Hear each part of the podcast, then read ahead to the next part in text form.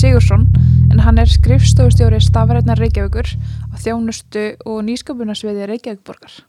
Já, þröskur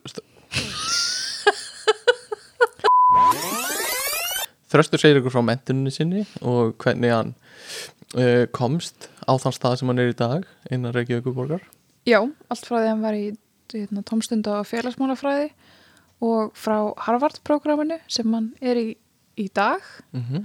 Uh, Hann segir okkur frá uh, stafrænum leiðtóum og stafrænum vekkferð innan Reykjavíkuborgar Já, og við förum svolítið djúft onni hugtækið, stafræn vekkferð og pælum mikið í þessum verkefnum og hvað og hvernig þetta einhvern veginn er gert. Já, hvernig er uh, best að vera up to date í, eins og maður segir, í í hugbúnaðinu sínum? Já, og líka bara hvaða hindranir eru sömuleiðis, hvaða fólk þarf að fá með þér í stafrænu vekkferðinni og svo er svona skemmtileg tenging hérna sem að Leynist undir lokin, leynist undir lokin sem að, já, gjör þau svo vel Þröstur Sigursson, velkomin. Takk fyrir. Þú ert skrifstofustjóri stafrætna Reykjavíkur á þjónustu og nýsköpunar sviði Reykjavíkborgar. Vá. Þetta er uh, svona munnfylli Flætti vel, samt sem aður. Flætti mjög vel hjá þér. Vel æft. Mm Velkomin í þáttinn Takk. í UT hlaðvarp skí. mm En við ætlum uh, aðeins að heyra meira frá þér og stafrætni vegferð Reykjavíkuborgar og kannski svona þau verkefni sem að borgin er að fara í og bara margt fleira og hlaka til að læra meira um Reykjavíkuborg sem vinnust að. En við kannski byrjum bara á byrjuninni. Um, þú ert titlaður skrifstofustjóri. Um, hvað hvernig eru skrifstofustjórar mentaðir? Hvað hérna?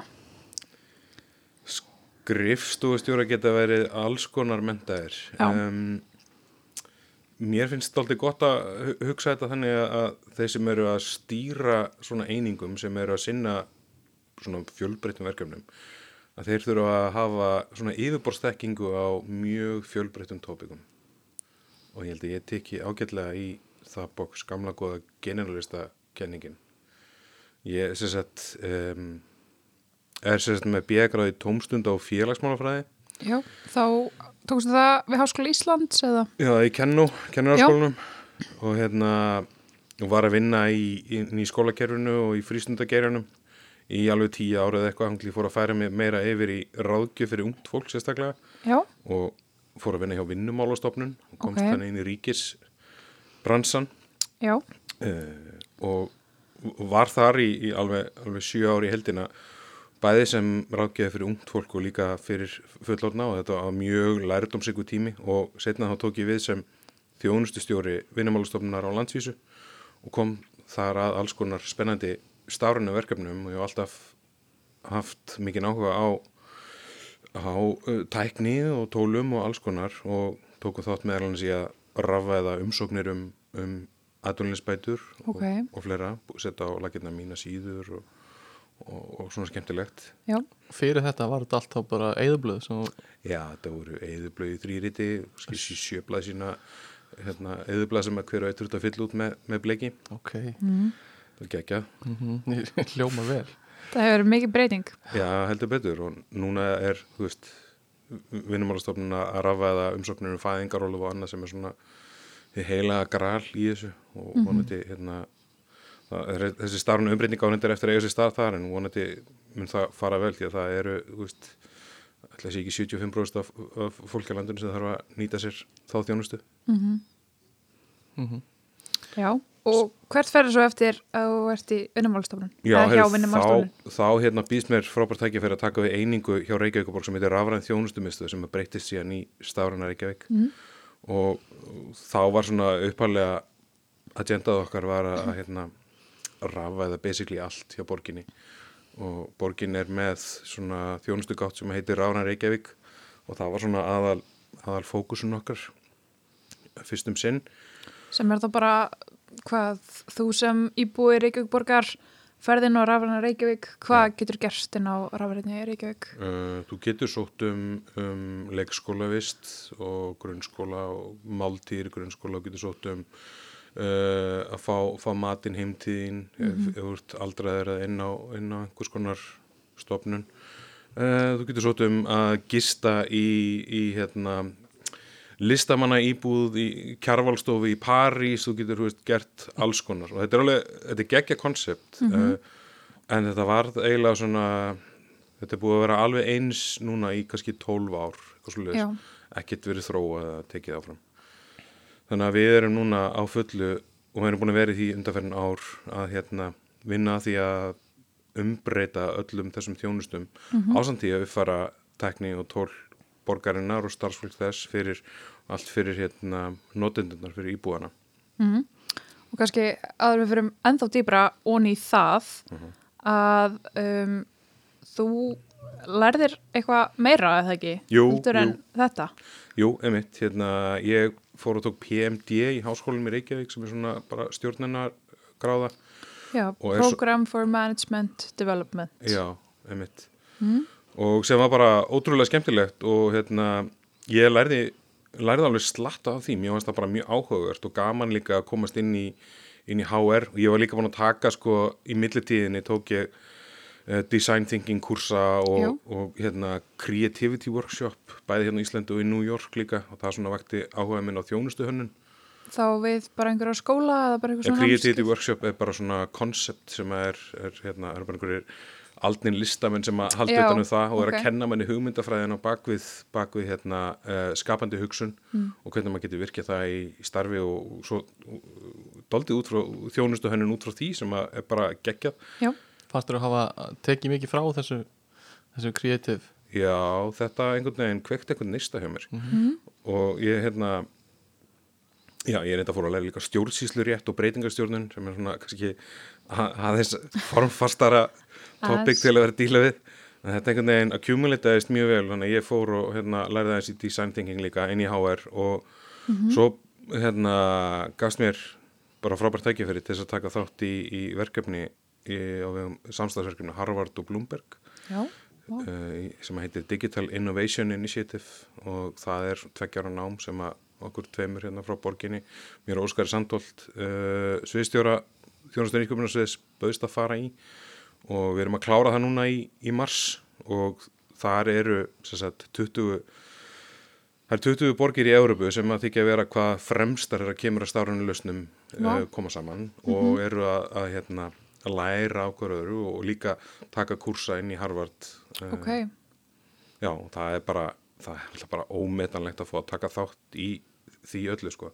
Og hefur, hefur dýfkað minn skilning og þekkingu á, á öllum þessum öllu þessu sem að þessi starfana vegferð eh, hefur að bera. Hvað- eftir já, einhverjum fleiri borgum sem já, voru þannig með? sem eru í samstarfinu? Já. Já, það er Kaupmannahöfn, Stokkólmur, Madrid, London uh, Já, það er alveg bara uh, þetta er, og Helsingi er þarna líka sem er alveg bara að gegja að fá að vera með Helsingi þessu, það er ótrúlega ótrúlegur ánægur sem þau hafa náð uh, og við getum lært mjög margt af þeim sérstaklega að kemur að sko uh, hagnýtingu gagna ok, við erum mjög Ok. okay. öflug í því Finnanir öflegir með þessa gagna uh, heldur betur Já, er þau ekki með gagnamála ráðura? Nei, það var alltaf eitthvað land með gagnamála ráðura. Það er alveg, Gagnamálar á þeirra já, Það Það kveikir eitthvað einhver. í það er ísa titill Vá, það var einhver með það held ég einhverstar. Ef ekki, þá legg ég það til. Hefur svona master key yfir öll gögn í landinu Það er mikil ábyrð samt, sko. Já, mjög Mikið að málum tengt þessu. Mhm. heldur betur Já, og já, þannig að þið eruð í þessu prógrami þá bara gegnum netið og Já, núna, já, þú veist, plani var sem sagt að við áttum að vera að fara út einu sinni í mánuði til að taka lotur inn í Harvard. Uh, okkur tókst að fara einu sinni og svo, Ok. og svo fór allt í lockdown. Þannig að þið hittuð hópin. Já, við, hitt, við erum búin að hitta hópin sem sagt, í, í kjötheimum uh, einu sinni. Uh, og svo bara skall alltaf og þetta er kent sem sagt frá London þannig að Já, ok. kennarættin fljúa frá Boston til London til þess að hafa pælingin sem sagt, til að kenna okkur. Uh, þannig að, þú veist, Európa þurfti ekki alltaf að fara til, til Ameríku. Já, fljúa einum hana. Já, Já, það var- það reyndist vera ódýrara. Já. þannig að við, við fórum hann og hittum alla og þetta var geggjað. Og svo bara fór hérna uh, þessi blessaði koronavírus að láta sér að Já, þá eru búin að, núna eru búin að vera bara í, í svona online lótum mánaðlega Hvernig hefur þið fundist það, svona þessi online skóli eða ert, finnst þér að vera að fá mikið út úr þessu? ég fæ alveg mjög mikið út úr þessu og það er líka bara að fyrir að segja að þú Harvard er að gera þetta ég bara, mér finnst þetta mind-blowing hvað þið gera þetta ótrúlega flott. Uh, þú veist, ekki nú með það þú veist, það er náttúrulega að setja manni fyrir verkefni fyrir, fyrir hverja lótu og svo eru þau með eitthvað fyrirtæki sem að sér um það að hlýða manni yfir. Þannig að ég þarf alltaf að verja öll verkefni sem að, Ok. sem að ég er að skila inn og það er, mann er hlýtt yfir og svo er hérna uh, svona eitthvað review board hjá þeim sem að fer yfir öll verkefni og velu bestu verkefni og þau eru síðan kend í lótinu eftir já, vá. Þannig að- Já, við höfum okkur hefur tekist að skora ansi hátt þarna og höfum fengið, þessi verkefnin okkar hafi verið kend alveg nokkur sinnum og þetta er allt saman verkefni sem eru miðuð út frá því sem við erum að gera í okkar, okkar Já, borgum. þetta nýtist beintinu starfið. Þegar þú Mjög segir við, hverjir eru það þá sem eru með þér? Er það Anna frá Reykjavík? Já, Óskar, Óskar, sviðstjóri, himmi sem að nefnda hann, Mm Ok. sem er sviðstjóri þón, -hmm. þjónustu og nýskamursið. Já, miklu þægilega að tala um þón heldur en Já. þjónustöðinskapnisi. Hér með, Hér með þón. Eigum við kannski að henda okkur út í Já, spurningar? endilega, þetta eru bara hérna, þú segir bara hvort þú fílar meira í rauninni Ok, af tveim mögulegum Mm Er þú reyðu búinn? já, Já Hlaðvarp eða tónlist? Tónlist, Android eða Apple? Android, Útlit eða notakildi? útlitt, Digital eða analog? digital, DFD eða WAF-OS? DFT, Kaupa á netinu eða kaupa í personu? kaup á netinu, Keira sjálfur eða vera kerður? gerir sjálfur, Spjaldtölva eða tölva? spjaldtölva, Ah, Coke eða Pepsi? uh, Pepsi, 80s eða 90s? uh, 90s, Bíómynd eða bók? Bíómynd, Tölvuleikir eða borðspill? töluleikir, Taka fundi eða senda tölvupost? þess er þung sko uh, við, skulum, við skulum senda tölvupúst Senda tölvupost, gott Lokuð skrifstofa eða opið vinnur í mig? opið vinnur mig, Kaffi eða orkudrykkir? kaffi Vinna á staðnum eða heima? uh, he, uh, á staðnum, á staðnum Og hvort myndur frekar ferðast 100 ár fram í tíman eða 1000 ár? Ég held að ég ætla að velja 100 ár mm. því að ég heldur þetta að ég verði, verði algjörlega outdated eftir 100 ár. Mér líður þessu outdated í dag. Þú veist, hvað hefur verið að frétta eftir 1000 ár? Það er góð spurning. Maður getur gert svona grófa hugmynd um 100 ár. Mm, Ég veit Mm, ekki að það er hvernig sant. 1000 ár verða. Já, Ætla að sé sann mikill munur á því hérna, ef við fyrir þúsund ár aftur í tíman Mm. hvernig, hvernig Ísland var þá. Og ef við fyrir svo þaðan uh, 800 ár fram í tíman mm -hmm. ætla að sé mikill munur Ekkert svo ekki. Það eru bara þessi síðustu 200 ár ég held bara frá setni heimsturöldinni fyrir það voru bara allir í moldakofum sko. amma mín bjó í sko, torfkofa Pældi því, það er grillað það er grillað já, það er rosalegt. sko. bara, Já, tvær kynslaður upp og það er bara komið torfkofi sko. Margt sem gerist, sko, stutt tíma. Já, kaffi og opið vinnurými. klárt Enda opið vinnurými í Reykjavíkborg. Já, ég hef alveg hérna verið, ég meina hjá vinnumálastofni, ég hef með stóra hotskrifstofu og mér fannst það bara að glata. Ég, Já, það. já, Ég er svolítið upphælt í það því við höfum spurt þessa spurninga til viðmælenda hvort að fólk þóra ekki að segja annað en opið vinnur Já, getið litast á starfsstað, sko. ef það segir eitthvað þá er eins og það sé sko, að hérna, tala illa um fyrirtæki sitt sko. Nei, Já. ég væri ekkert feimin við að, við að segja það og þú veist, ég var mikil klappstýra þess að halda vinnur í munu opnu og gera það eins opið og lifandi og hægt er. Það fyrir mér er einhvers konar kultúrhakk og þú vilt skapa einhvers konar, einhvers konar menningu á vinnustanum sem að gera það að verkum að fólk, fólki líður vel og það er afslappað þegar það er í vinnunni. Að það sé ekki svona þrungin stemming. Uh, það skiptir bara rosalega miklu máli ég til dæmis, ég hef með svona hluta af morgun ritualinu mínum einmitt er að kveikja á jazztónlist í vinnuríminu, þannig að allan daginn er rúlandi jazztónlist Ok, jazz, er einhver sérstak ástæð fyrir jazzi?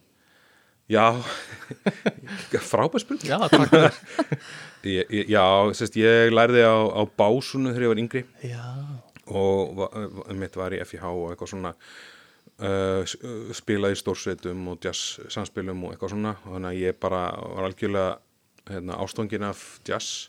Þú ert mánu jazzmaður þá eða fórstu mikið þangað? Já, ég fór mikið þangað Já. og ég fer, fer hérna ennstundum á miðvikudöfum þegar þetta er inn í hörpu. Já, miðvíkur jazz.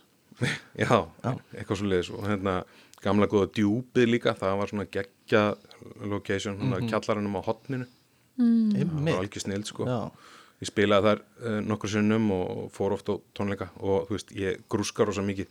Ég er núna til dæmis nýbúin að hérna, uppgöta uh, er að kafa taldóðinni sko sænskan og rústneskan jazz. Ok, já, það er mjög, það er mjög sérstætt það er mjög, sko sænski, sænski jazzin er bara eins og að drekka rjóma sko, það, er- það er alveg geggjað að hlusta á það. Og rúsneski jazzin, það er aðeins meira svona acquired taste. Já, og þetta er náttúrulega þá um að búin að fara í gegnum sko nýgeríu jazzin og það allt sko, það er náttúrulega bara, það er alveg það Sko, er ruggla dæmi sko. ég tengi jazz eiginlega bara við bandaríkin Já, eða þannig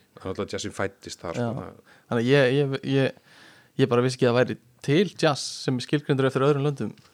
Nei, það er bara raunverulega þannig og ég meina íslensku jazz er bara hann er á mjög háu leveli sko. Ok, og hvað hva er þetta að vinna með í vinnunni að spila? Uh, ég, ég er með playlista á Spotify sem ég kalla bara Kitchen Jazz sem er svona eldúsjassi minn sem ég set alltaf á því elda eða veðsumast eitthvað uh, og það, það rúla mjög mikið í vinnu. Og svo eru líka bara frábærir playlistar á Spotify hérna, Morning Jazz playlistin er bara geggjaður sko. Okay. en svo er líka með annan lista sem er sko á, á Spotify regnum mínum sem er já. Það er aðeins öðruvísi sko. Já. það er aðeins meiri fyrringur maður getur alveg, maður skilur það sko Först, að, á förstu dögum vill maður sérstak, sérstakt væp sko. Þú sagðir útlitt, sagðir það ekki? Frekar notagildi, nei Jó, ég sagði það jú, þú jú. það, já.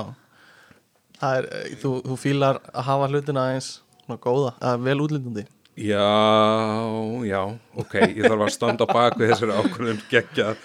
Uh, ú- útlit frekar en nótagildi, já það er bara ég er hrifin af, af hérna glampandi fallegum hlutum jú, Vel rétt. hlutum, Vel kannski. hönnuðum og, hérna, vönduðum hlutum, já. Já. það skiptir máli, ég meina þetta er, þetta er bara þetta er ekki slæm, það er ekki slæmt að vera frekar þannig Nei, nei, það má alveg líta á að það sé eitthvað svona yfirborskent við það, ég veit það ekki en En hérna, það fer eftir hva, hvort þú veist að hengja upp á vegg eða nota það daglega. Það pínu þannig skiptir máli. Það var mjög skemmtilegt hvernig þú svaraðir, svona komst að mikrofónum, svona alveg að geta betur stemning. Þetta, Já. þetta var mjög skemmtilegt. Þetta var hérna, og spjaltölu maður, við sjáum það þú veist með spjaltölu upp á borðinu hérna Já, eins og hlustendur sjá eins og okkur sjá. mm Þannig að var, já, já, við kannski fyrir þá núna meira onni í Reykjavík og, og verkefni Já. þar Og hérna, stafræn vegferð Mhm. og stafræn umbreyting, stafræn Reykjavík. Mhm. Þetta er alls konar svona, það er sem einhverju mantra Þú ert að undirbúða undir eitthvað rosalegt Ég á, finn það að það er á að koma hverju morgni standa allir upp á skrifstofunni stafræn Reykjavík Já. stafræn Fara byrjun með á metruna. stand-up fundunum, the dailies. Nei, þetta er, þetta er, er þetta buzzword? Eða hvað? uh, Ég meina, þú veist, þetta hugtak var ekki til fyrir 10 árum, sko Nei, uh, Þannig en, þú veist, fyrir 15 árum þá voru ekki til, hérna, uh, snjálfsímar eða neitt svoleiði, sko. Þú veist, það er bara, það er alls konar hluti sem hafa komið inn í líf okkar. Á þess að við áttum okkur endilega á því og eru bara orðin hluti af, af hérna, einhverju sjálfsögum hluti í daglegri rútunni hjá okkur. Hvað felur þetta í sér stafræn Reykjavík? Er það að koma öllu skipulagi á tölvuform eða? Hva, hvernig fólk er að vinna í á stafræðinni Reykjavík? Það er uh, hvað deild eða skrifstofa innan þjónust og nýsköpunar sviðs. Já, það stemmir, já, við hérna hvernig fólk er að vinna þar, það er bara alls konar fólk. Já, þú veist, ég veit ekki alveg hvað ég á að segja sko, er þetta forritarar eða erum við að tala um yðnaðamenn eða þú veist, Já, verkefnistjórar uh, tölunafræðingar um, þjónustuhönnir það er bara, það er allur skalinn sko. Mm og við náttúrulega erum rosalega verkefna drifin þannig að við hérna reynum að matcha fólk við verkefni. Mhm. og svo náttúrulega erum við að keira veist, allar einingarnar inn á, inn á þón eh, vinna mjög náið saman. Saman hvort það er þjónustuhönnun eða upplýsingatekni eða, eða við sem erum í þessum stárunumálum verkefnistjórnuna hvað það er sko, veist, það, það vinna allir mjög náið saman. Og það, finnst alveg hérna, ég fæ oft þessa spurningu sko frá fólki sem er ekkert að hrærast í þessum stáruna heim, bara hvað þýðir þetta stáruna vegferð og ég var að reyna einhvern veginn að accumulata þetta í einhver svona eina niður svona setningu og ég ætla að fá að lesa hana bara vel. Þegar einstaklingu, fyrirtæki eða stopnun tekur meðvitaða stefnu til að breyta innviðum, bæta þjónustu og ásýndi gegnum stafræna lausnir og með innniðingu nýrar tækni. Ég skil. Ok. Eða, veist, Og þetta er svona einhvern veginn, þetta sem ég nátóldi vel utanum sko þegar ég tók meðvitaða ákvörunum að hefja mína stafræna vegferð, bara mína persónulegu stafræna vegferð. Ok, Þegar ég tók ákvörunum að fara yfir í snjallsíma og tengja snjallsíma minn við tölvuna og, og hérna, tengja heimili mitt við Google Home og tengja alla ljósapyrrur á heimilinu minni við Google Home, tengja alla hátalara inn á Google Home. Þú veist, þá er ég á kafi í minni stafrætna vegferð, ég er að vinna í þessu. Og þegar ég hérna, uh, egnaði síðan ryggsuguróbot sem að tengist inn á þetta sama kerfi og ég get tala við ryggsuguróbotin í gegnum síma minn, þú veist, þetta er náttúrulega galið. Þetta er geggjað. Þetta er algjörlega Þetta er geggjað, sko. Ert þú búinn að skýra þinn? Já, hún heitir Ronja. Ok, þetta er sem sagt eitthvað þing sem allir gera. aha, Kristjana, þú skýrðu þinn. já, Mm hreinn. Hreinn, já, það er mjög gott. Hreinn og Ronja. Já, þetta er, þetta er rándýrt. Þú veist, ég get verið, ég get, þú veist, kveikt á Ronju, sagt hennar Ríksu heima hjá mér, bara hérna. Og mér finnst það aðeinslega, þegar ég kem heim þá er allt bara ný Ríksu. Nákvæmlega. Bara passa að hafa ekki snúrunar á gólfinu. Þú veist, inniskór, hún ræðist á inniskó og getur. Já, það er það bara stóra hættulegt.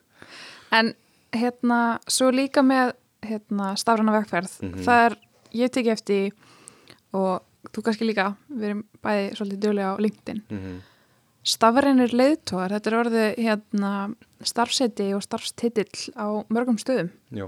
Hvers konar, uh, hvað ætli þetta fólk vinni við? Um, þetta fólk vinnur við að hérna, tala við annað fólk innan fyrirtækisins og tengja það saman og reyna að fá til þess að skilja hvað það felur í sér að umbreyta þjónustugáttum, umbreyta eh, tækni og að uppfæra ný og úr sér gengin svo kvöldu legacy kerfi. Og hvaða eiginleika eða hæfileika eða bakgrunn eða hvað sem er þarf svona stafrænt leiðtói að hafa? Uh, yfirburða samskiptafærni, mm. það sé fyrst og fremst það. Að þú mynd mæta alls konar hindrunum og gatekeepers og, og hérna eh, gatekeepers, hvernig skilgrindur þú gatekeeper? Gatekeeper er kannski svona vinalega risaðilan mm sem er ótrúlega vinalega þú kemur og heitir hana fyrst og svo að fara að tala um að þú þurfur að hérna, viðkomandi þurfur að breyta því hvernig hann er búin að vinna vinnun sín undan fyrir 20-30 ár mm -hmm. rísi búið afturleipinnar og, og gargar á því sko. það er hérna, vinalega risaðilan villir allt vel og, og vill öllu gangi vel í vinnunni bara rosalega hrættur eða hrætt við að hérna, breyta sjálfum sér. Já, gatekeeper getur líka verið skilgrind sem manneska sem er rosa fróð á sínu sviði. Já, akkurat og kannski mikið að fylgjast með kannski aðlaða fræði, fræðum á sínu sviði. Mhm. og getur líka samt kannski verið krúsjál í að breyta vinnustænum Já, þetta getur verið helstu sko makkararnir. Ef að starfrunni leitugunum tekst einhvern veginn að fá, fá þessa gatekeepera til að skilja út af hvað þessi vegferð gengur. Og fá þau með sér og fá það með sér í lið að því að raun og veru þá snýst þetta allt bara um kúltúrhakk. Að þú veist, þú þarfst að breyta einhvern veginn menningunni inn á vinnustafnum þetta er, þetta er breytingastjórn 101 Mhm. -hmm. þú þarfst að aðskilja þá sem eru hérna, sem þú munt ekki geta breytt. Þú þarfst að bera kennsla á það. Og þú þarfst að gera, bera kennsla á þá sem eru þína helstu klappstýrir, þú þarfst að hafa áhyggjur af þeim. Þú þarfst að vinna í þeim sem að eru þú, þú sérð að þú getur einhvern veginn hérna, svona snúið yfir á þitt band. Hefur þú séð stórt stökk síðastliði ár í þessum stafrænu væðingu? Semst, í, já, núna 2020 bara 100% það, það er þannig, 100p 100 p eins og við segjum podcastheiminu segir. Já, um, ertu með einhver dæmi kannski um stafræna já, breytingu? Það fylgir einhvern veginn. Það orð kemur alltaf eftir innu. Algjörlega, hérna e, þú veist það er líka hægt að tala um sko já, gott ég meira banka alltaf í borði hérna. Já, þetta er Það er eitthvað bank í opnónum banki í opnunum hérna Hver á að laga það? Já, uh, já, þú veist, eitt af fyrstu verkefninu sem að við, við fórum í var stafrænt umbreytingaverkefni sem að snýri að rafvæðingu fjárhagssastofar Reykjavíkuborgar. Það var hjútsverkefni uh, sem við unnum með utanakomandi aðilum og, og velferðasviði Reykjavíkuborgar. Og það hefði til dæmis ekki verið dúabúl nema fyrir þess að gera að velferðasviði var tilbúið að vinna með okkur. uh, og velferðarsvið tók ákvörunum að fara í sína starfinu vegferð. Þannig gáttu við hjálpaðum einhvern veginn að taka uh, ákveðinskrif til þess að ná árangri sem að snýra því að nú getur þú sótt um fjárhasastu bara á netinu og þú getur fengið útreikninga uh, fyrirfram. Þannig að þú veist nokkurn veginn hva- hvað er, hvað er fyrir séð og þú, þú getur mögulega haft í tekjur. Og þetta er fyrir alla þá sem að þurfa að nýta sér þessi þjónustu. Þetta er okkar viðkomastu, viðkomastu hópar sem að þurfa að nýta þetta er nú neyðarastóð uh, þannig að það, það, var, það var gríðarlega mikilvægt verkefni fyrir okkur og fyrir velferðsið og fyrir borgarbúa. Er þetta svolítið þannig að, að þessar deildir er að koma til ykkar að leita aðstöð eða eru þið að sækja út? Já, þetta er svona bæði. uh, við erum daldið að sækja út og, og láta vita á okkur og allt þetta og núna er náttúrulega framöndan hjá Reykjavík og Borg, það er verið að hérna, markfalda kraftin sem að fer í þessar stafrunu uppbreytingar og Borgin ætla sér að uh, já, ganga svo langt að klá, klára stafrunu uppbreytingar á næstu þreymur árum, þannig að það er ærið verkefni framöndan og ég held að sé alveg góðu punktur sem kost með að undanfæri ár sko hvað hefur breyst. Uh, ég las, las grein í, í hérna Harvard Business Review um daginn sem að fjallaði um það, kastaði hann spurningunni bara hver er það sem er raunverulega að leiða starfina vegferð þings fyrirtækis að þinna stofnunar, er það starfin leitaðinn eða er það COVID ástandi og ég held að eins og hjá borginni að þá eh, held ég að- COVID ástandið hafi hjálpað okkur sem erum að reyna að, keira þessa starfinum vegferð áfram. Að því að núna var ekkit, það, er ekkit lengur í bóði eitthvað að, að þú veist, taka hefðbundna fundi, þú veist, að þessi 20 manns konur saman einhverju fundarherbyggi að tala saman, nú er þetta allt bara á fjárfundum og það var allir ekkit mál fyrir fólk að hittast á fjárfundum, það var allir ekkit mál að einlega Office 365, það var allir, þú veist, ekkert mál að henda sér í eitthvað að kaupa inn einhvern, einhvern hugbúnað og þú veist, fara í eitthvað lítið útbóð og það, það, þetta var allir bara ekkert mál. Já, þetta var einhvern veginn eitthvað sem held eða var gert út eins og það væri bara var ekki hægt, Mhm. þetta er ekki hægt fyrir Einhver 2019 ómöguleiki í þessu. þá bara, þetta er einhvern veginn svo bara opnast þess, eða kemur þessi hindrun og þá bara stígu við yfir það Algjörlega og inn á, þú veist, inn á öldrunaheimilu voru innleitar hérna uh, svona fjarfundarlausni sem að gera uh, fjölskyldum aldrara kleifta heimsækja fólki sitt í gegnum skjá, uh, skjá heimsóknir Mhm. uh, að því að það var ekki þetta að fara inn á, inn á staðina lengur. hvernig heldur þetta er svona aðeins annað hvernig haldið þið að við hefum dílað við sem sagt COVID fyrir 20 árum? Haldið að við hefum ekki verið miklu veist, við hefum ekki getið verið hjá mikið í sam samskiptum. Netið ekki á sama stað að var í dag Já, einmitt, ég meina ljóslegar af enginn í Reykjavík var rétt að byrja fyrir 20 árum sko. Þannig að við, hérna, já, við værum klálega ekki á sama stað. Kannski væru við bara einhver staðar úti með heikarflón okkar að mótmæla, sko. Ég veit það ekki.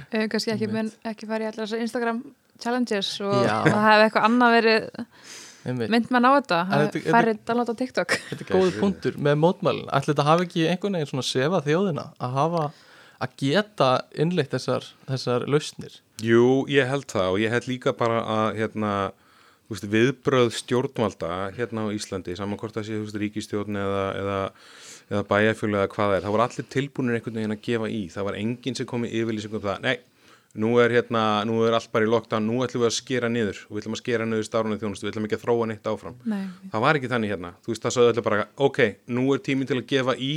nú bara við áfram þessar starfrunni leiðir, nú komum við okkur bara upp um 2-3 level. Og það er náttúrulega bara geggjað sko. uh, bara svona stuttspurning. Hvernig er uh, stafræn vegferð þýtt á ennsku? Digital Journey. Journey, ok já.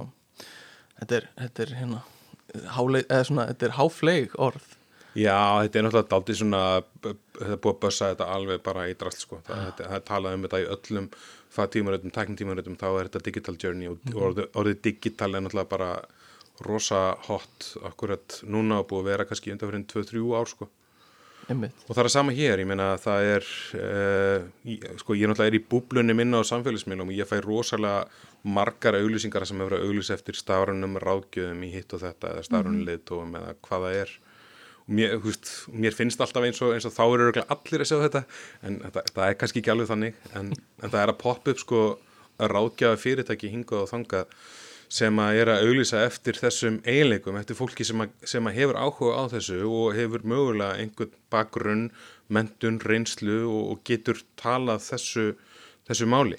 Og hérna og það er náttúrulega bara geggjað því við þurfum á svona fólki að halda sem getur haldið þessu lofti og getur tekið einhver hjálpa fyrirtækjum að taka næstu skref af því að ef að fyrirtækjum ætla ekki að gera það ef að til dæmis öll veitingahús á Íslandi hefðu allt í innu bara settið tilbaka og sagt eitthvað nei við ætlum ekki að, hérna, við ætlum ekki að senda matinn heim Þú veist, við ætlum bara að loka Þú veist, það, bara, það þýðir Akkurat. bara endir bara Akkurat. takk fyrir komuna Einmitt. En já, við förum aftur svona að Reykjavík sem, og þ- yk, ykkar vegferð, um, það er rosa mikið af þá tólum og tækjum kannski sem að þið nýtið ykkur í þessu og, og Stafræn Reykjavík er hann um, skrifstofa innan sviðsins. En þetta kemur inn á eða ekki öll svið borgarinnar? Og hvað eru þeir svona helst búin að vera að læra af þessu núna og hvernig hafið þið, verið að sinna þessu svona undarfarið Já, við erum uh, sett, stóðsvið innan borgarinn, þannig að við erum að vinna með öllum hinnu sviðinum að hjálpa til við að þróa þeirra, uh, þeirra gáttir og þeirra lausnum til borgarbúa áfram. Uh, og það hérna, þetta snýst allt um gott samstarf og góð samskipti og bæði innan borgarina því við þurfum að búa til kanalana þar, brjóta niður sílu og svo framvegis. Og ekki síður þá við sko atvinnulífið og við nýsköpunafyrirtækin, þú veist, það skiptir alveg gríðarlega miklu máli og það er oft talað um þessa stafrænu drega uh, og hérna á Íslandi þá er kannski svona þrýr, fjóri stafræni dregar, það er þetta nefna þessi stórfyrirtæki upplýsinga, upplýsingatekni bransanum hér uh, og að þú veist, við viljum vinna með þeim að sjálfsögðu en við viljum líka komast í samstarf við þessi litlu nýsköpunafyrirtæki og það eh, skiptir okkur rosalega miklu máli því að þar er einhver gróska og græta í að taka hlutina áfram og vinna hlutina skapandi hátt. Og það hefur verið mjög erfitt fyrir, fyrir fyrirtæki í ofnbærum rekstri að, að fara þá leið vegna þess að þú ert alltaf að fylgja ákveðnum innkaupareglum og innkaupaferlum. Og þannig að við erum nýbúna erum að vinna í það að innleiða það sem er kallað gaggvirt innkaupakerfi Dynamic Purchasing System sem á einfalda nýsköpunarfyrirtækjum að koma í samstarf við okkur, ekki, já, reyndar bara öllum og þetta er hérna alþjóðlegt líka þannig að öðru ellend fyrirtæki sem vilja taka þátt og komir svona marka hér, þá er það líka möguleiki uh, og það gengur út á það að fyrirtæki bara sækja um aðild að þessu innkaupakerfi og geta þá bóðið í verk þarna inni, svona minni verk eða bóðið í tímakörfur eða hvað það er og þá getum við einhvern veginn startað samstarfi við þessa aðila til þess að þróa einhverjar nýja lausnir og leðir hjá okkur. Því að við erum bæði að bæ, bæði með þessa hérna, stafrænu umbreytingu og svo erum við líka oft í því að hérna, það er kannski ómikið effort að fara í einhverja stafrænu umbreytingu með einhverja litla einfalda lausn sem einhver annar er búin að finna upp nú þegar Já. og þá er þetta bara svona hilluvara og þá þurfum við bara að kaupa hana inn Já. og þá þurfum við að gera það bara eftir, eftir hérna, öllum réttum leiðum. Akkurat Er, er einhverju svona ég veit ekki hvort þú mátt segja eitthvað mikið en er einhverju svona sérstakki veggir sem það hefur rekist á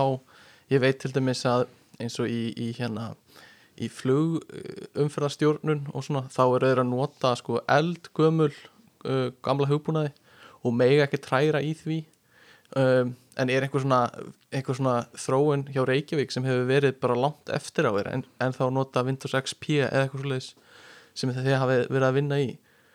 Eitthvað svona, einhver svona risaðlur sem hafi verið í gangi Nei, það er ekkit svolítið ekki ekki borg. Nei, Jú, það er gott. Það er gott. Framalega stafræn borg.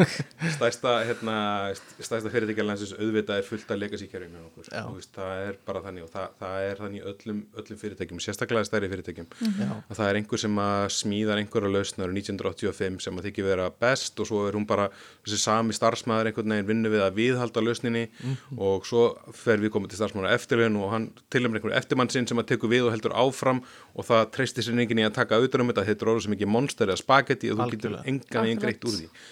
Þetta er bara veruleikin okkar. Við erum að díla við fullt af svona áskorunum og, og til þess einhvern veginn að losa okkur út úr þessu þá þurfum við líka að hugsa ekki bara út frá lausnum heldur akkurat út frá áskorunum. Það er rosalega mikilvæga punktur.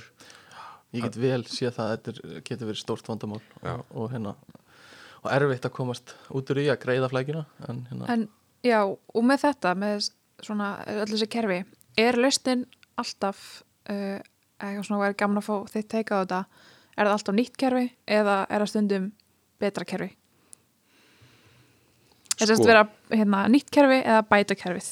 Þetta er Þegar maður punktur hugsa um þessa stafrænivæðingu, er hægt að taka öll kerfi á það level eða vill maður fyrir ekki bara skipta alveg út upp og að bara geta já, að starfsfólki jafnvel skilji það Mhm. eða þá að, já, að fleiri geti komið að þessu og tekið þátt í staðin fyrir að sé eitthvað svona mjög erfið kerfi sem að fá eitthvað ná. Já, það er kannski hérna, eitt af þessu þegar kemur að þjónustuhönnun akkurat þessi pæling með design thinking að við séum að nálgast viðfangsefni sem við erum að díla við út frá áskorunni sjálfri en ekki út frá lausninni.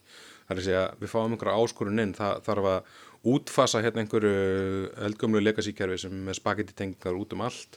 Og þá í staðin fyrir að hugsa um eitthvað sem er ótrúlega líkt þessu eða hugsa um eitthvað nýtt kerfi til að kaupa inn, þá bara hugsa um ok, hvaða, hvaða áskorun er þetta kerfi sem við erum núna með að leysa? Og reynum að hugsa, taka algjörlega hérna svona 360 nálgun á þetta og, og reyna þannig einhvern veginn að búa til eitthvað konsept og þá getum við fara að máta hvort það sé til einhver hillulösni eða hvað það er eða hvort við þurfum að þróa eitthvað, eitthvað nýtt.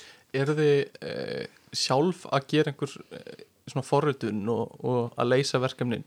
Er þið með forritar í vinnu eða hvernig svona fólk er, er að díla við þessi vandamál? Já, við erum, við erum sérst bæði með hugbúnaði teimi hjá okkur, bara in-house uh, og þa það er eitt af þessi ég mun að læra líka frá því ég byrjaði hérna ekki auðvitað það er þessi koncept sko in-housing, out-housing nearshoring, offshoring sko. Þetta geggja hérna, við erum bæðið sérst að vinna með svona in-house teimi, þú veist bara forröðar sem eru bara í vinnu hjá okkur. Og svo erum við líka að, að hérna uh, að nýrhása verkefnum, það er nýtt koncept sem að Hvað er nýrhásing? Nýrhásing er, er hérna uh, þegar að fyrirtæki er með aðsetur á Íslandi en er raun og veru erlend og getur verið með starfsemi sín í öðru landi en með, með skrifstofur hérna á, á Íslandi. Ok. En svo erum við líka bara í samstarfi við þessa stafrunu drega hérna á Íslandi, þú veist, við þróun og alls konar hugbúnaði og það held ég að sé bara uh, réttasta leiðin til að gera þetta. Þú veist, það er engin ein rétt leið, heldur þú þarfst að taka þau best of brít allstaðar og þú þarfst að hérna, finna samstagsæðalega sem henda áskorunni hverju sinni. Mm Hvað hérna, hvað sér þið fyrir er fyrir að gerast á næstu kannski þremur til fimm árum hjá ykkur?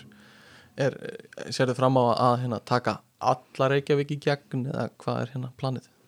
Já, vonandi verðum við langt komin með að, umbreyta öllum þjónustum Reykjavíkuborgar eh, á næstu 3, 4, 5 árum það er, eh, það er svona væntingarnar allavega og við séum þá komin á þann stað að við getum bara verið að hérna, komið í þetta continuous improvement bara með allar okkar þjónustur og komið með vörustjóra yfir öllum þessum vörum og getum verið stöðut verið að, að, hérna, að þróa þær áfram þannig við lendum ekki í vanda að sitja uppi með eitthvað legacy-kerfi sem enginn hefur synd í sko 10-15 ár. Emmitt, af því, af því maður getur kannski uppfært núna Já. en svo það maður aftur að uppfæra eftir tíu ár en maður sér ekki um það eða er ekki duglegur að viðhalda eða. Já, algjörlega og það er staðan sem við erum í núna sko, eftir hruni þarna 2008-2009 þá var skori verulega niður í, í, þegar kemur upplýsingatekni og þar alveg þetta voru kerfin heldur þróuð áfram eða ekki viðhaldið að nema bara einhverju algjöru lámarki og þá náttúrulega bara þá verða þau bara að legacy kerfi bara á örfáum árum vegna þess að þeim er ekki viðhaldið og staðlarnir vera úreldir og þú þarfst að fara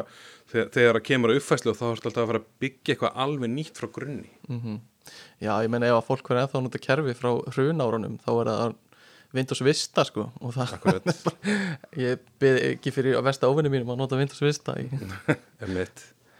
En eins og með þá alltaf þess að kannski nefndi, sagði ekki orðið vöru stjórar eða fólk sem að kannski sér um lausninnar sér það fyrir að það sé fólk innan Reykjavík eða geti það verið einhvers konar verktakar, fyrirtæki eða eitthvað svo leys Uh, já, þetta er góð spurning, ég held að, að það sé allavega gott að þetta séu hérna, annarkort starfsfólk eða þá verktakar, mm -hmm. þetta sé erfiðara svona upp á hlutleysi að eru fyrirtæki sem eru að sinna vörustjórnum Akkurat. fyrir vörur innan Reykjavíkuborgar, það er alltaf snúið.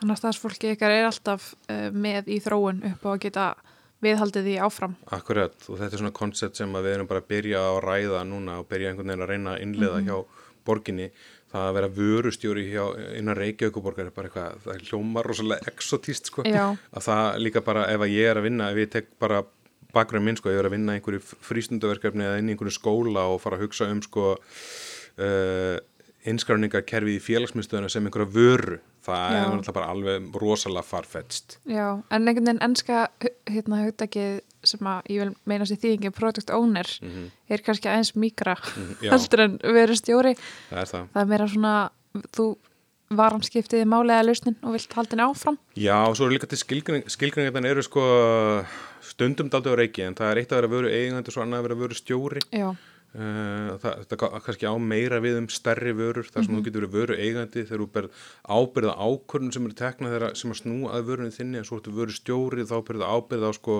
framþróun og stöður ítrun vörunar Ég uh, veit ekki hvort þetta tengist nákvæmlega en uh, snjallborgin. Mhm. er það eitthvað tengt við hérna, eru þið eitthvað að hugsa með þeim einhverja lausnir? Ég snjallborg, en þetta bara hluti af, af já, já, þú veist, og Reykjavíkuborg er ennáttúrulega snjallborg. Já, þannig að það sem, sem uh, koncept er bara einhvern veginn orðið. Mm. þú veist, og hvað er svona konsepti snjallborg ef við förum aðeins út í það? Er það, þú veist, að, að hérna ég, ég man að einhvern tíma var verið að tala um að hérna, þú veist, ljósastörunir væru allir 5G sendar og, og hérna það væri einhvers konar ruslatunnur væru sjálf. Talandi ruslatunnur sem Ha, eru já. tengdar við ljósleðara og eitthvað Einmitt. svona Já. já, þetta eru svona utopíu hugmyndir sem að hérna uh, kannski koma einhver tíman til framkvæmdar eða allavega það er búið að vinna grunnvinnuna. Það er búið að, teng, að vera að vinna að tengja ljósastöra inn á, ljós, ljósastöra inn á ljósleðara kerfið þannig að það er hægt að, að fara í þessa framsæknu tæknilausnir þegar að það kemur. En svo er ekki tímabært akkurat núna. Nei. og þau eru til alls konar lausnir þegar kemur að sorptæknin líka uh, sem að þessi fyrirtæki sem er að vinna með Reykjavíkuborg að, sorpherðu geta verið að nýta sér. Einmitt. og það eru alls konar fyrirtæki engabrarsanum líka sem eru að vinna að þessum skinjaralausnum uh, í tengslu við veist, hvenar er uh, almenningsruslatuna full, hvenar þarf að tæmana er þetta að mappa út leiðina sem að ruslabílandi fara til þess að draga úr kólumsfótspori og, og svo framvísar alls konar svona pælingar sem að koma sérstaklega kannski inn að hagnýtingu gagna já, einmitt, það var eitthvað fyrirtæki veit ég sem var að nota gerfigrein til að meta hvenær á að pikka upp ruslið þannig að til að minka hérna, uh, minka ferðir og eitthvað svona. Já og kannski eftir að stjálfborginni þeir eru partur af þessu Smart City neti, eða ekki? Jú. Og þar kannski kemur uh, snjallborgin sem er svona smá vörumerki hægt að segja sem borgin á og við erum með borgarhökkin þessi hackathon. Og gaman að skilja líka nefna gögnin að þeir eru með gagna teimi eða ekki Jú, innan það- borgarinnar Jú, það er sérstu gagna skrifstofa hjá, hjá borginni sem er að vinna að þróun að, hérna, svona byrtingarplattforma fyrir, fyrir gögn og er að taka saman uh, gögn úr öllum helstu kerfum borgarinnar og er að vinna því að byrta því. og þegar, Byrt, byrta þau eða, eða og lík, eru þau eitthvað að nota þau í einhverja Já, byrta því og, og vinna úr þeim líka. það var að vera að setja í lofti núna stutt eftir eða fyrir ármót varandi sorphyrðu þetta er bara auðveldlega að fletti upp veist, það er náttúrulega bara gögn sem er verið að sína auðveldlega. Já, ég fekk nú einmitt bara einsinn inn í það í morgun að hérna, það er verið að vinna í að tengja að uh, hliðin inn í sundlugum Reykjavíkuborgar þannig að það er að taka, lesa upp gögnum þar þannig að þú getur séð nákvæmlega hversu margir eru onni í lauginni og, og hversu mörg pláss eru laus í lauginni. Það finnst mér geðvikt það er geðveikt og það er náttúrulega kannski hafnahjörður og hafnahjörðabær var hérna, the punch eiginlega voru og Ok. þetta en hérna sem bara frábært og við hérna viljum líka bara taka þetta á næsta level og við viljum bara lesa gögnu beint upp úr upp úr skinnirunum, upp úr hliðunum ok, vá það er rosa gott núna þegar það eru takmarkana er að vita hversu mörg, Mhm. mörg plássur er laus upp á að maður þurfi ekki að fara í allar sundlegaðnar algjörlega, það heitum sumardegi eða þú veist geta séð bara er tróðfullt á bakkanum með þetta slög algjörlega. Nákvæmlega, Ég var sund- hefur alveg lendið því. Ég var í sundum um daginn sko og, og hérna, það er bara þannig ef maður vil fylgja reglum þá kemst maður ekkert í pottin af því maður fyrir onni kannski 50 maður og, og það eru 5 tak, manna takmark og þá kemur 70 maður onni og þá þarf maður að fara upp úr þannig að ég var bara í innilögin allan tíman Mhm. en hérna, mér finnst það geggið geggið hugmynd það er gaman að sjá svona næstu lausnir sem eru framöndan er eitthvað framöndan uh, í í stafrænu vegferðinni er einhverjum svona sérstakar lausnir sem að þeir eru að fara að setja í loftið?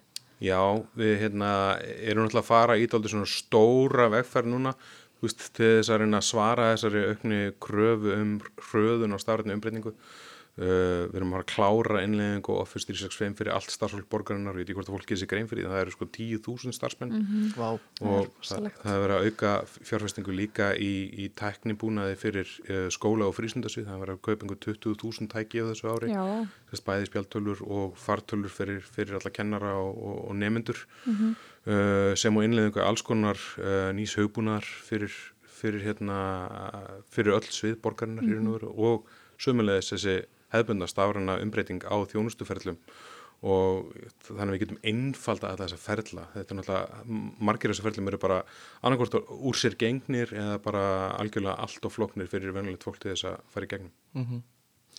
Hvernig finnst þér hérna, þetta er svona aðeins annað hvernig finnst þér bara að vera starfsmæður hjá Reykjavíkborg og það sem þú ert, er góð mórall og Ég finnst það bara fullkonlega geggjað. Mm -hmm. Þetta er bara, þetta er svo langbæsta starf sem að ég hef nokkuð tíman komist í og ég bara, það, það er líka svo ótrúlega mikil forréttund að vera á svona vinnustöða sem manni líður svona vel og vinnu umhverfið er svona hvetjandi og, og það er, maður er kvartur til þess að sækja sér eh, námskeið og meiri þekkingu og maður hefur frelsið til þess að gera eh, það sem er eftir í hug, maður er kvartur til þess að sinna áhuga málunum sínum samhliða og til þess að geta gert alls konar aukaverkefni og annað og það veitir manni ótrúlega mikla, mikla gleði og kvata til þess að vera áfram og það er líka geggjað að sjá núna að þegar við höfum verið að setja auglýsingar í loftið fyrir lausa stöður hjá okkur og þá sækja bara ítrekka bara 200 mannsum næstu í hverja einsu stöðu ah.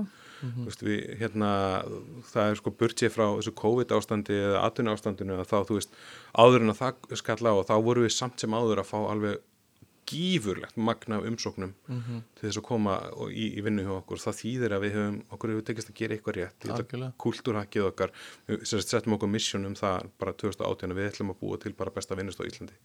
Og við teljum okkur vera að nálgast það ansi, ansi hratt. Mm -hmm. og við höfum sett okkur á, ákveðin prinsip líka með það að þú veist ég veit að við erum að vinna í, í ofnbyrju umhverfi en til þess að þú getur sint vinnin og þér líði vel þá færðu þann búin að tækja tól sem þú þart á að halda til þess að geta skilað 100% árangur í vinninni mm -hmm. og þrú fjárfæsting, hún mun alltaf skila sér á endanum, við erum ekki að tala um einhvern excessivisma en bara segðu mig hvað þú þart til þess að þú geti staðið 100% og ég skal færa þau tól. Einmitt. og hérna já, algjörlega, þetta, þetta skiptir rosa miklu máli allavega af minni reynslu þessi búin að bara, þú þart að vinna í því umhverju sem þið líður vel í og hérna bara já, skrifstofin er ekki góðu staður þá eru afkostin ekki nógu góð og ef að búnaðurinn sem þú varst með er eitthvað sem þú varst óurugur á þá er afkostin ekki góð Algjörlega og það er líka það sem við höfum haft að leðalusti þegar við höfum, að, við höfum búin að tala núna um þú veist, opivinnur í mig og, og aðstöðu og eitthvað svona allar ákvarðinir sem við höfum tekið sem að snúa að vinnu aðstöðu eða búnaðu öllu þessu við höfum tekið þessa ákvarðinir allar í samstarfi starfsfólki okkar mm. við höfum haldið vinnustofur, við höfum beitt notanda meirinn nálgunni öllu sem við gerum og það þýðir bara að það eru allir on board þegar við tökum ákvarðinir mm -hmm. það skiptir líka rosa miklu máli að fólki fólk fái að hafa eitthvað um það að segja bara í hvaða umhverjar er að vinna og mm. við hvaða aðstæður Hvernig er þín afstæða á svona sveiginlega vinnutíma? Er er einhver svona, er það að setja einhver skildu á fólk til að vera á staðnum eða?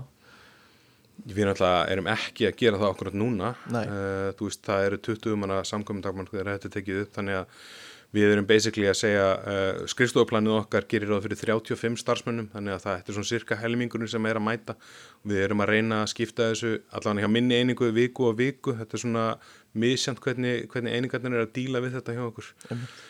en þú veist, í okkar bransa þá þú veist er það í lægi að því að við erum mest menglast að vinna í gegnum tölfur hvað sem er og að taka fjárfundi og allt þetta mm -hmm. Og megum hvað sem er ekki að hitta fólk frá öðrum sögðum, það er sótarnarreglindar eru bara þannig í dag ja. þannig við værim hvað sem er, þú veist, ef við verum að mæta á skrifstofuna þá væri við að taka fjárfundi þó við verum að hitta önnu svið mm -hmm. Ég mitt Já, þetta hefur verið bara mjög frólægt mm -hmm. Vilt þú bæta einhverju við Kristina? Erstu með einhverju pælingar? Um, nei, held ekki Kristján, þú er kannski með inside information hvernig hérna Já, það hefur náttúrulega ekki komið fram með það í þættinum Það hefur ekki sko. komið fram, nei, nei. nei. En Kristján var að vinna hjá stafrættin Reykjavík þess að þá getur við núna áramöndinu farið sem verður aðra skrifstofu þjónustahönnunar hvernig, lí, hvernig líð þér í vinnunni? Er það skemmtilegu vinnustafur? Já, vá, ég ætlaði ekki að Það er bara gaman að tala um mig. Ég hef ekki gert að hinga til í podcastinu Þetta er svolítið um svona hashtag ad Já. Það þarf að segja? En hérna, já, ég sérst að þetta er að vinna á hérna, verkefnumstofu þjónustuhönnunar mm. og er að taka verkefni tengt uh, er að vinna verkefnum tengt þjónustu veri Reykjavíkuborgar Þannig ég hef verið að mæti vinnuna núna, uh, ég er sérst byrjaði á Reykjavíkborg núna í oktober mm -hmm. í stafrænu umbreytingateimi ah, þannig að ég hef ekki gett að sagt stafrænt að segja umbreyting. Og mætti ekki vinnuna. Og uh, var að vinna hjá Dresti, hafði ekki hitt hann.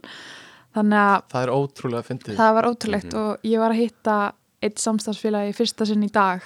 Einmitt. það er magnað en mér finnst mjög gott að vinna hjá Reykjavíkuborg og hérna það var alveg magnað hvað þetta var fljótt að gerast og ég var komið heimaskrifstofu á ansíkuðum tíma.